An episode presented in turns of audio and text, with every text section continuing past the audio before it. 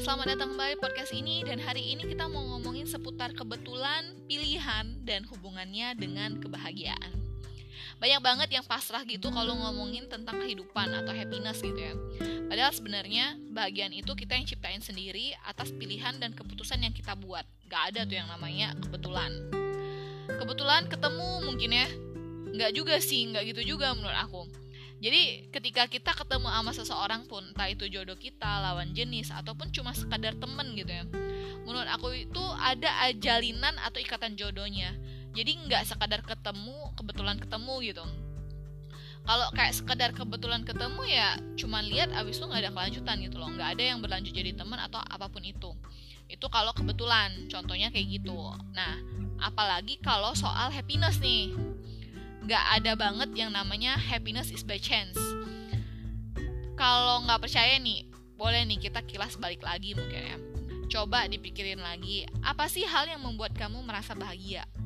Terus dipikirin juga, apa yang membuat kamu bahagia?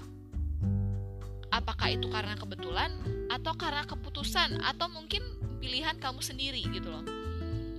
Mungkin sekilas kelihatannya kayak kebahagiaan itu bisa aja karena kebetulan gitu loh tapi percayalah, nggak sesederhana itu.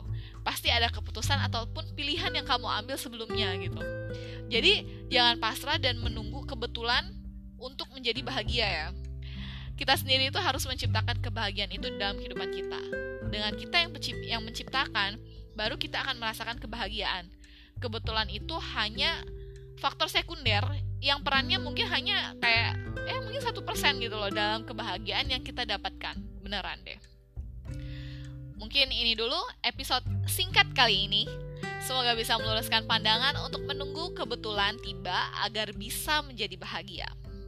Jangan lupa untuk menciptakan kebahagiaan di dalam hidup kamu ya. Stay tune terus podcast Ian's Voice dan nantikan episode selanjutnya setiap malam minggu jam 8 malam hanya di Spotify. Bye-bye!